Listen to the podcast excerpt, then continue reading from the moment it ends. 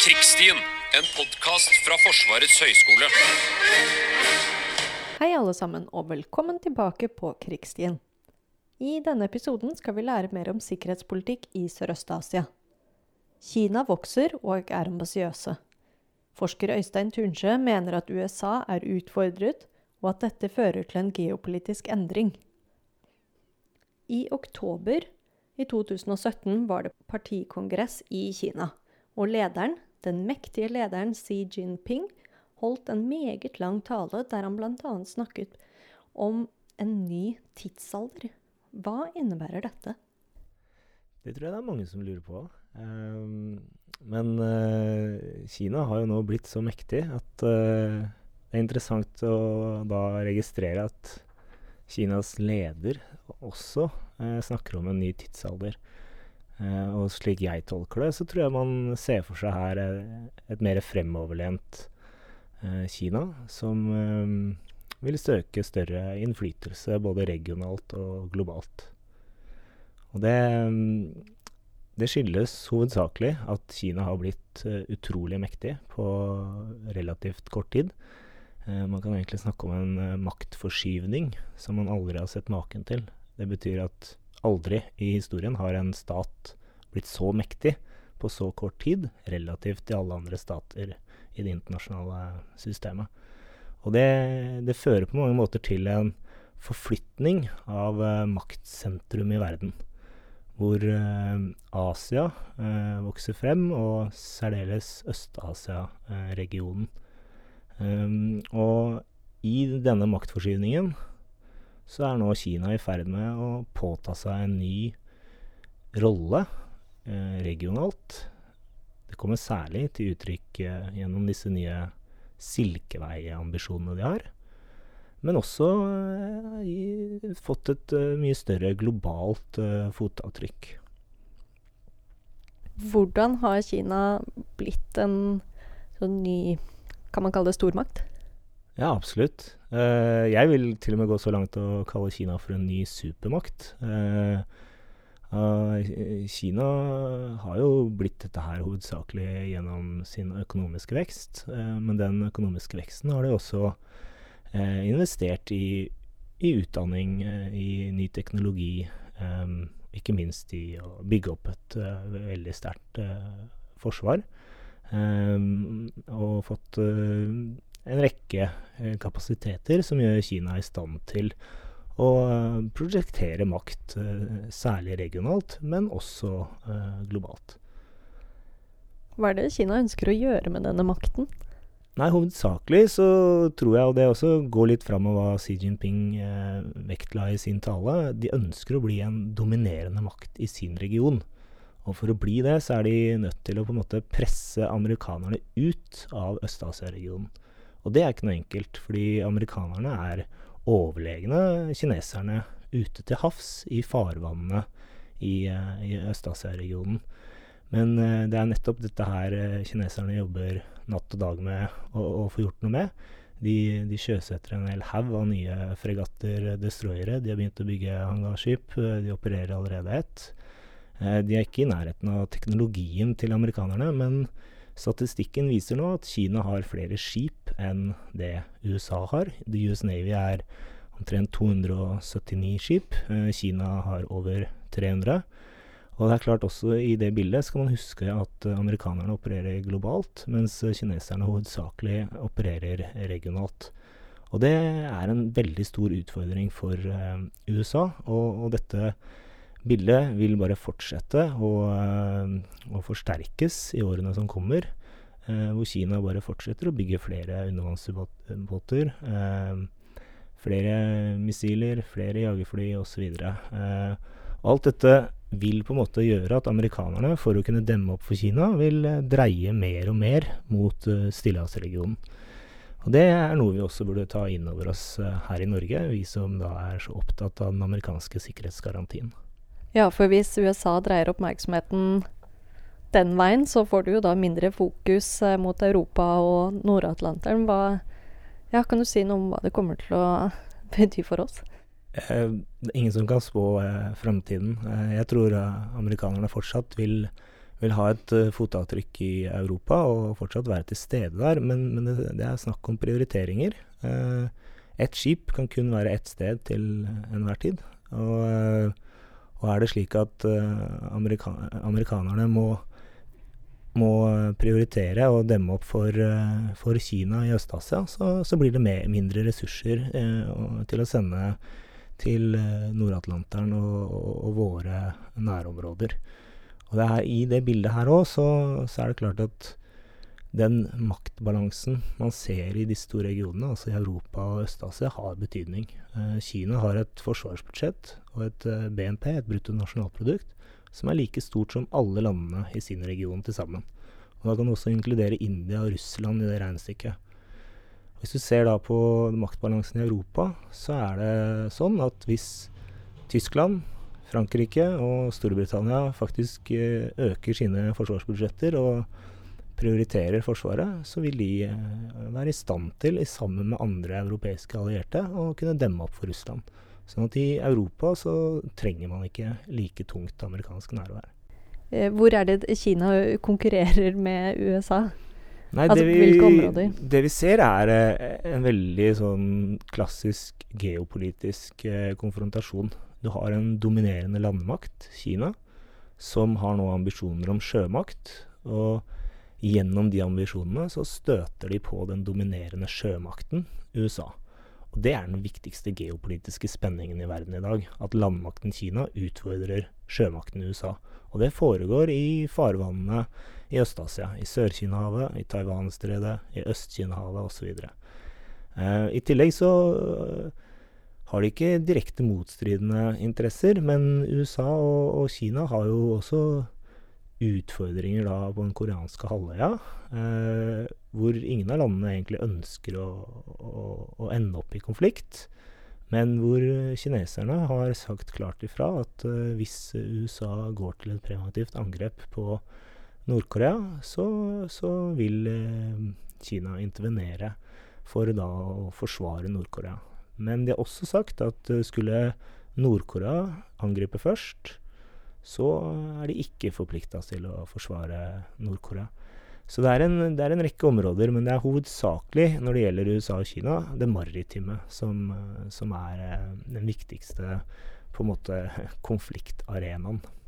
Kan du si noe om de sikkerhetspolitiske utfordringene i den regionen? Ja, som, som, vi nå var inne på. Eh, utfordringen eh, er hovedsakelig ute i det maritime domenet. Eh, men den er også på land, som f.eks. den koreanske halvøya. Men de sikkerhetspolitiske utfordringene man ser i Øst-Asia, de, de, gjenspeiler egentlig generelle utfordringer som man har i internasjonal politikk, og, og særdeleshet i f.eks. Europa. Sånn at uh, mye av bekymringen for f.eks. USAs allierte i Øst-Asia-regionen, som Sør-Korea og Japan f.eks., er jo om amerikanerne vil komme dem til unnsetning i, i forbindelse med en konflikt, om det er med Nord-Korea eller med Kina. Uh, og lignende bekymring ser man jo også i Europa, om USA vil stille opp og støtte sine allierte. Og skulle f.eks. USA ikke uh, støtte Sør-Korea eller Japan i en konflikt med Kina over Senkakuøyene i Øst-Kina-havet, så vil det undergrave USAs uh, troverdighet. Og, og, det vil påvirke hvordan man også ser på alliansen i Europa. Så det er mange av disse spørsmålene når det gjelder avskrekking f.eks. Vi er opptatt av å prøve å avskrekke eh, Russland, men samtidig også berolige Russland. Dette hører man ofte snakk om i eh, Europa. Men det er akkurat den samme diskusjonen som går i Øst-Asia-regionen. Man er opptatt av å avskrekke Kina, men samtidig er man opptatt av å berolige Kina. Sør-Korea er et uh, veldig godt eksempel på akkurat uh, midt oppi de utfordringene. Og, og, i forlengelsen av akkurat den debatten om avskrekking og beroligelse, så står også Sør-Korea og Japan oppi de samme dilemmaene knytta til introduksjon av f.eks. missilforsvar, av nye militære kapasiteter. uh, nye militære plattformer. Og, og, det også er en debatt vi kjenner igjen eh, fra eh, Europa. Um, så det som er interessant med å studere sikkerhetspolitikk i Øst-Asia-regionen, er at veldig mange av de spørsmålene vi diskuterer i Europa, er, er veldig like ja, det er andre aktører, det er andre land, men spørsmålet om en allianses troverdighet, eh, om USA som sikkerhetsgarantist, om missilforsvar, om, om F-35, innfasingen av den, hva den kan gjøre i ulike konflikter osv., det, det ser man også igjen i Øst-Asia-regionen. Her i, i, Norge så er dette med hybrid- og gråsonesituasjoner og trusler Det har fått mye fokus. Er det noe tilsvarende i Asia? Sørøst-Asia? Absolutt. Uh, og, og, det var veldig interessant at du tok opp, fordi uh, Kina har altså investert enormt i både kystvakt uh, og det man kaller maritime oppsy oppsynsfartøyer. Um, men kanskje det mest interessante, og det som har gått litt under radaren, er det man kaller en, en maritim militia. Uh, det betyr hundrevis, om ikke tusener, av uh, fiskebåter som, som, ikke driver og fisker, rett og slett. dette er fiskebåter som sendes rett og slett i frontlinjen når det oppstår konflikter om, om øyer og, og, og territorialfarvann. Sendes disse fiskefartøyene først inn eh, og, og, på en måte svermer rundt en øy osv., et rev, hvor, hvor da kystvakten opererer i bakgrunnen, og enda lenger bak opererer den kinesiske marinen. Så her har man helt bevisst prøvd å påvirke konflikter som ligger i en gråsone, være seg knytta til rev og, og, og farvann i Sør-Kina-havet, eller til den mer kjente konflikten rundt Senkaku og Daio-øyene i Øst-Kina-havet med Japan. Og dette er utrolig vanskelig for amerikanerne å håndtere. Fordi amerikanerne de har ikke engang en kystvakt som opererer i området. Så hvis amerikanerne først intervenerer, så skaper det en eh, eskalering av konflikten. Fordi eh, amerikanerne intervenerer da med, med sine marinefartøyer, med US Navy. Og det, det, det, blir på en måte da en opptrapping av konflikten som eh, amerikanerne ikke ønsker. Og det igjen fører til at i mange av disse tilfellene eh, knytta til rev f.eks. i Sør-Kina-havet, så slipper eh, Kina unna med sin mer aggressive atferd i gråsone. En form for hybrid eh, Ikke krigføring. Men, men, veldig ukonvensjonelle metoder og de får altså da kontroll over rev, eh, som de igjen da nå har eh, utviklet til, eh, til ja, forsyningsstasjoner og baser for militære virksomhet. Altså de har bygd store rullebaner og, og lagringskapasitet osv. På, på disse revene, som de har tatt kontroll over på, på den måten. Du nevnte noen øyer hvor det var noen kjente konflikter. Kan du eh, fortelle oss litt om det? Nei, altså denne, denne konflikten, særlig da som har pågått siden 2010, eh, mellom da Kina og, og Japan over disse Senkaku-øyene, som ligger eh, sør-vest for eh, Okinawa, eh, hvor amerikanerne har store militærbaser. Og, og, her har jo Japan vært i stand til å stå imot presset for, fra Kina, fordi Japan er verdens tredje største økonomi. Eh, de har en veldig stor og omfattende eh, kystvakt. Eh, men, men, igjen så har kineserne holdt et tungt press på dem hele tiden. I både territorialfarvannet og i økonomiske sonen rundt disse omstridte øyene.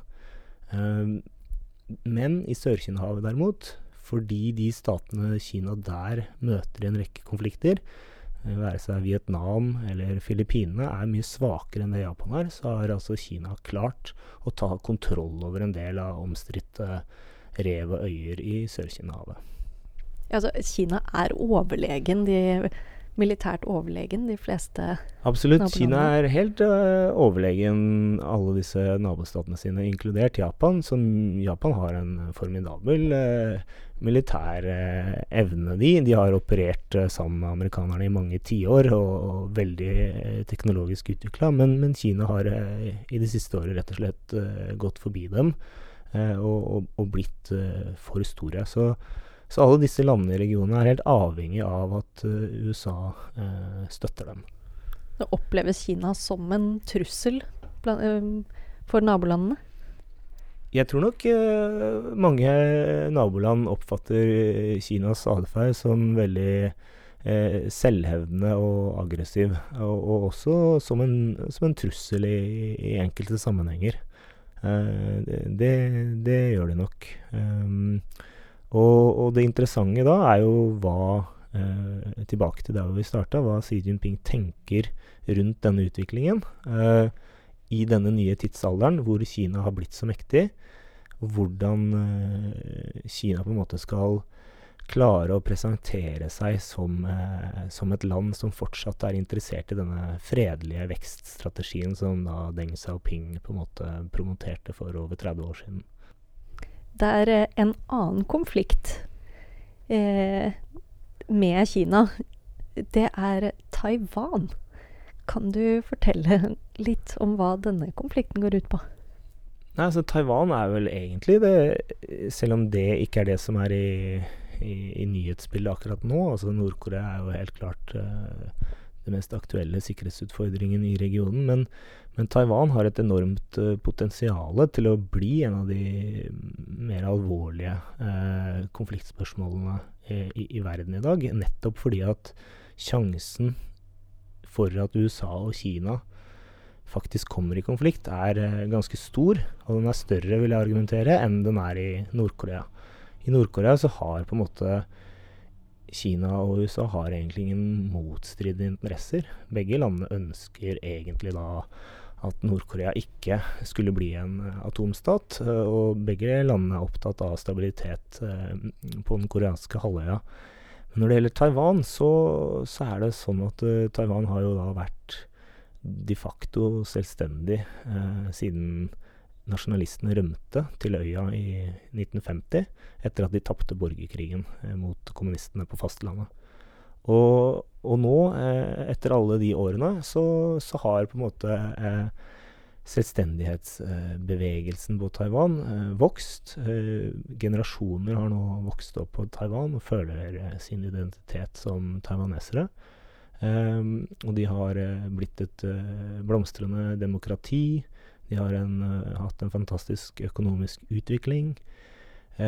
Så, så, alt ligger egentlig til rette for at Taiwan kunne blitt en egen stat.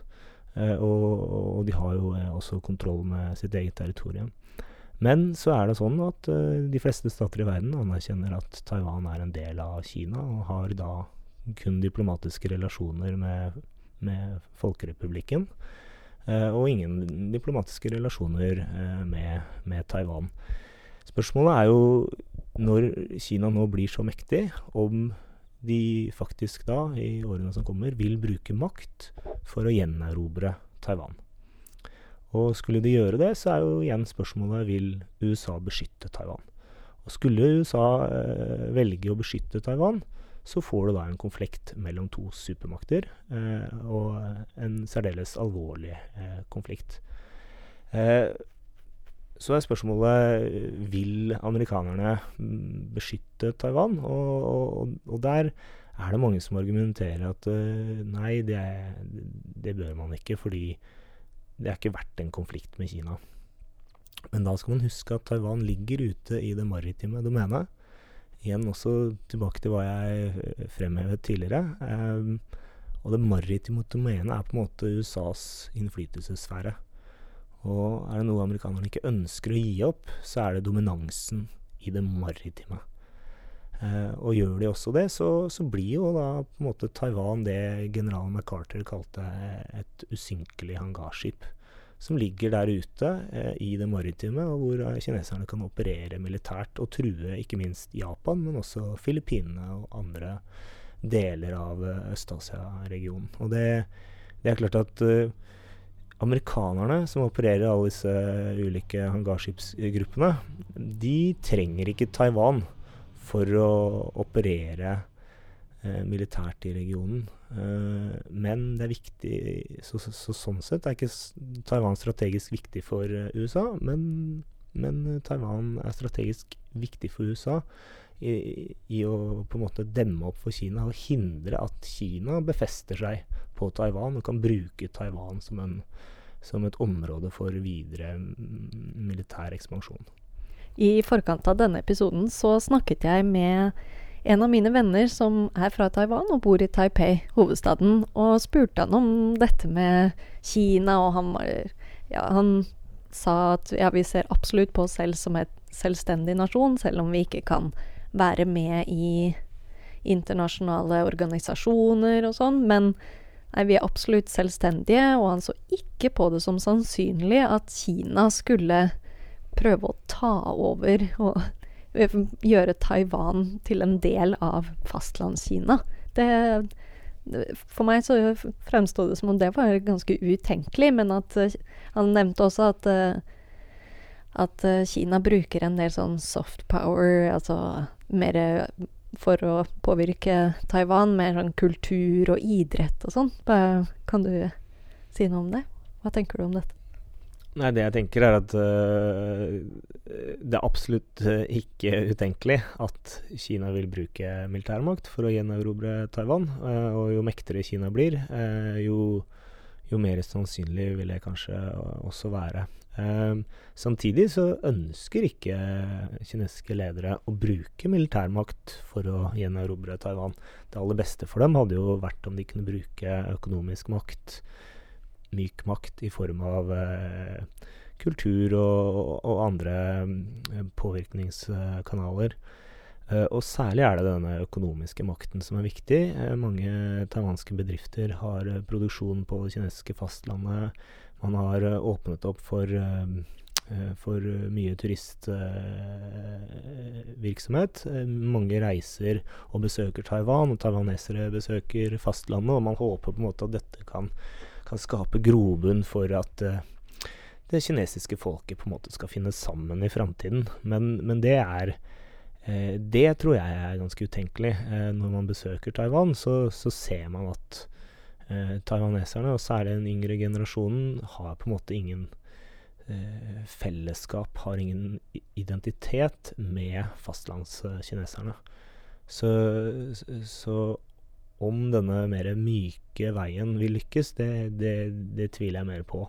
Og, og, da tror jeg man kommer til et punkt til slutt hvor det kinesiske folket eh, begynner å kreve rett og slett at et mektigere Kina bruker den makten de har fått, til å, å gjenerobre Taiwan. Og, og, det skal man huske at det kommer ikke til å være en enkel operasjon. Det er svært vanskelig å å, å gjøre en amfibieoperasjon over Taiwanstredet. Eh, både pga. værforhold, men også pga. geografiske forhold knytta til eh, hvordan på en måte kysten til Taiwan er. Eh, og det er få steder man egentlig kan, kan lande og, og, sette i land store bakkestyrker.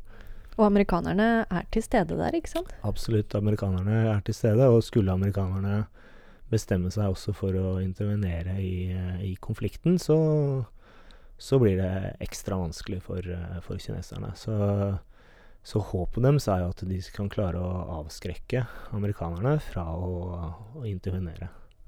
Men er det riktig å tenke at dette er en slags sånn identitetssak for uh, Kina? Ja, det er jo absolutt en identitetssak. Altså Folkerepublikken mener jo at uh, ikke bare er det en identitet at Taiwan er en del av, Kina, men, men, men, men, dette også går inn i den identiteten om at um, Kina har på en måte vært uh, ydmyket opp gjennom historien, særlig da fra opiumskrigene med britene fra 1839 og og på 1840-tallet. Um, og videre oppover. Og at dette her Japan har jo også da vært i hendene på Japan.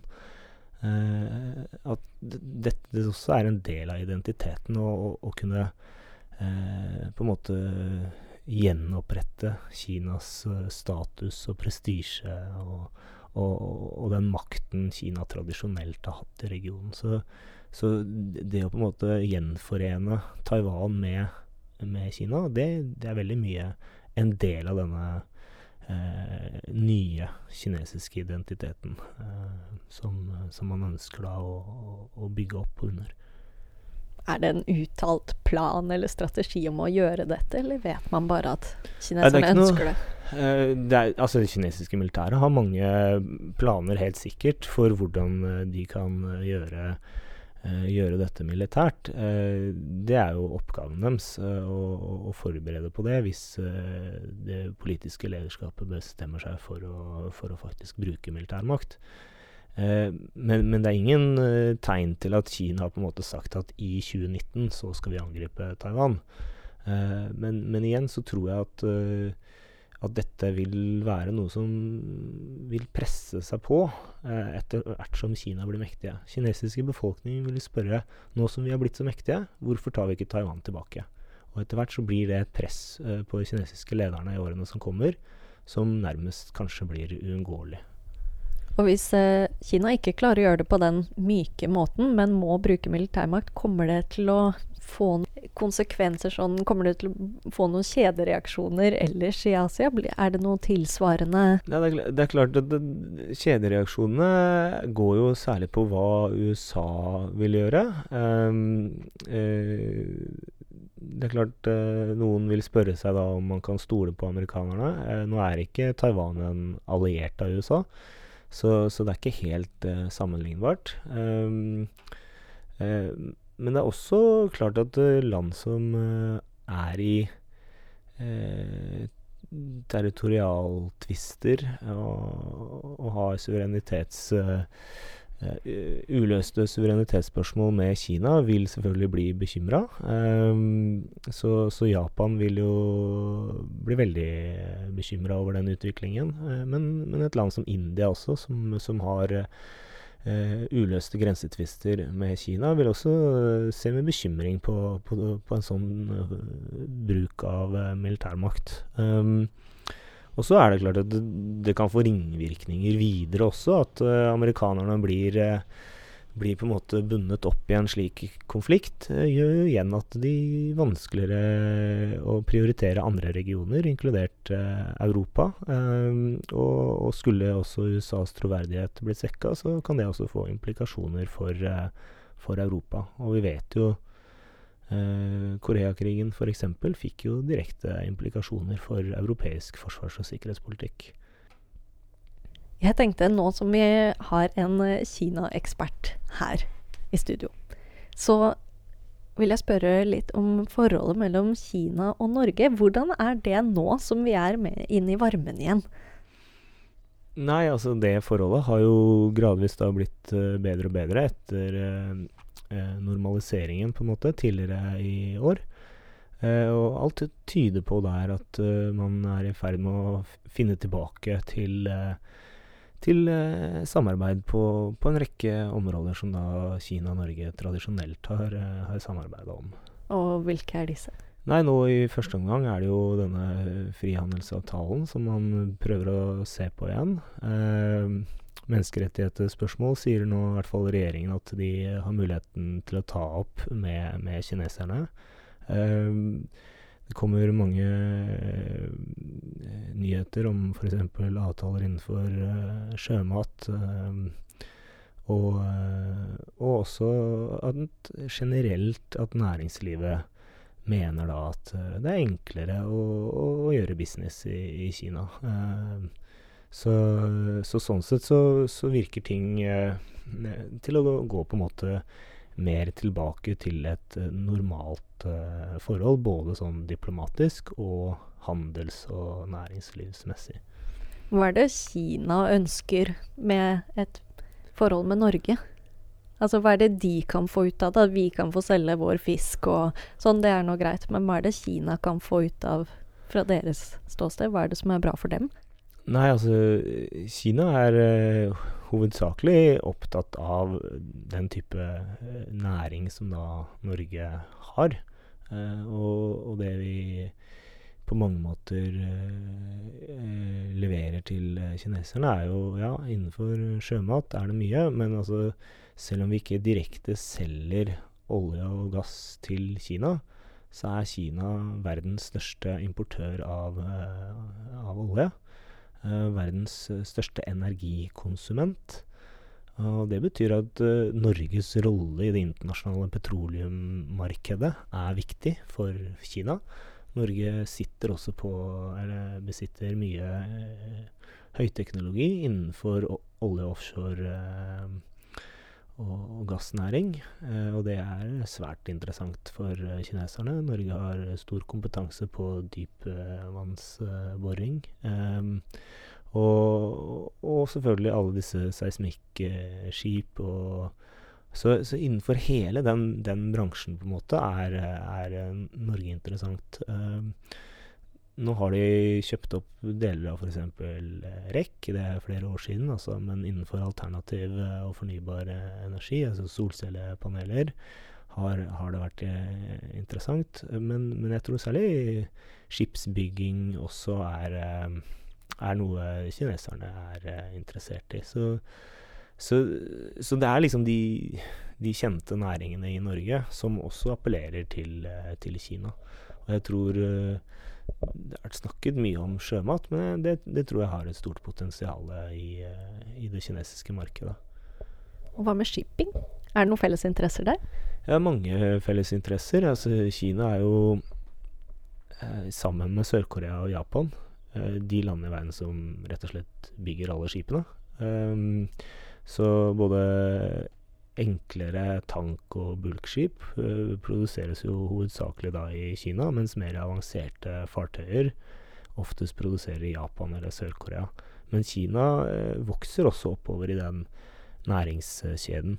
Så når uh, norske redere skal ha seg nye skip, så, så er, gjøres det ofte kontrakter med kineserne. Uh, I tillegg er jo Kina blitt en stor aktør i det internasjonale shippingmarkedet. Uh, de har lenge hatt en stor uh, ambisjon om å bygge seg opp innenfor f.eks. tankskip, og tatt en stor andel av den internasjonale tankflåten i løpet av de siste tiårene.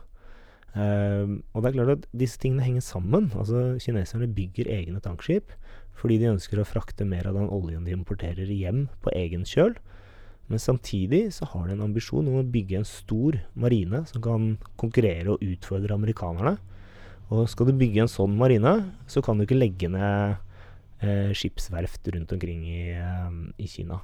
Du trenger infrastrukturen, du trenger verftene, du trenger kompetansen, du trenger arbeiderne osv. Teknologien. Eh, og her er det en del overføringsverdi, da.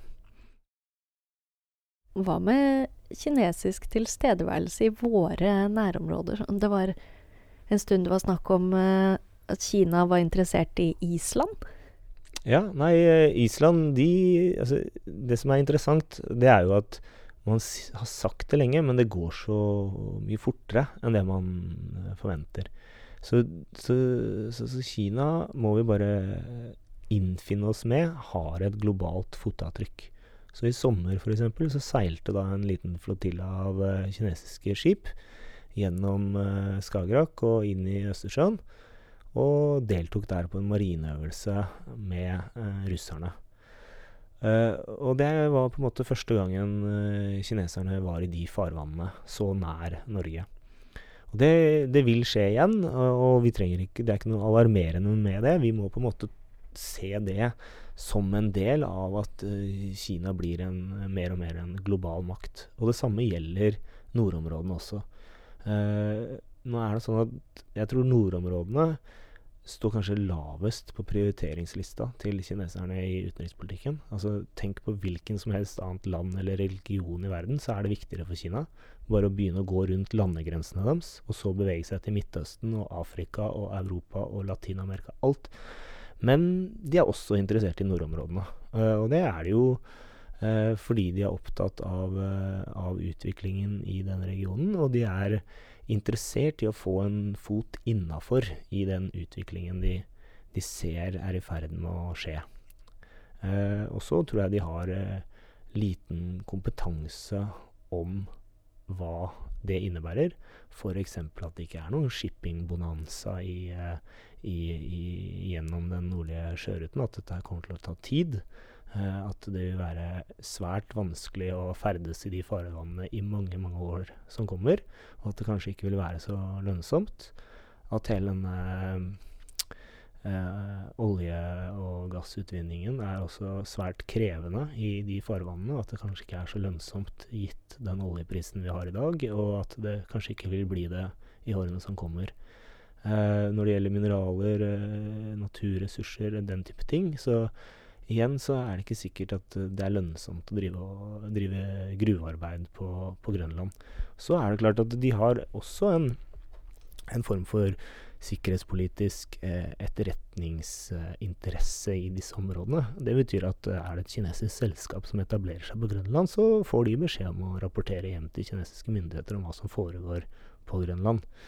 Eh, så det må man være innforstått med og, og klar over. Men det betyr på en måte ikke at Kina i, i nær overskuelig framtid vil komme og på en måte okkupere eh, nordområdene eller, eh, eller eh, seile dit eh, og, og, og, på en måte oppholde seg der i, i lang tid med, med marinefartøyer. Nei, Det høres ut som de har nok å gjøre i sine nærområder. Det er akkurat det som er poenget. Eh, Kina har masse, masse utfordringer i sine nærområder. Nord-Korea, konflikten med Japan i Øst-Kina-havet, Taiwan-spørsmålet, Sør-Kina-havet, grensa til India. Altså Når du våkner opp om morgenen og er Xi Jinping, så er det siste du tenker på nordområdene. Tusen takk, Øystein. På Krigsstien er en podkast fra Forsvarets høgskole og er tilgjengelig på iTunes, Soundcloud og våre hjemmesider. Følg oss også på Instagram, og abonner gjerne via iTunes og Android. Vi høres! På Krigsstien, en podkast fra Forsvarets høgskole.